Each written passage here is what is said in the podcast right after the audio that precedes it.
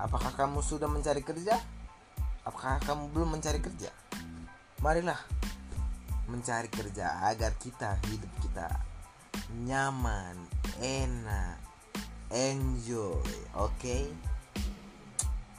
Setelah aku kerja nanti, yang pertama targetku adalah memberi orang tuaku duit setengah dari gajiku ke orang tuaku. Itu impianku, itu keinginanku. Kalau kamu gimana? Jika kamu gajian nanti, apa yang akan kamu beli dahulu dan apa yang ingin kamu apa namanya ngasih ke siapa gitu atau ke orang tua kamu, ke nenek kamu, ke kakek kamu atau ke mana gitu dan apa tujuan dari kamu untuk ke depannya apa mau beli rumah, mobil, apa yang dan lain-lain. Itu aja. Sekian terima kasih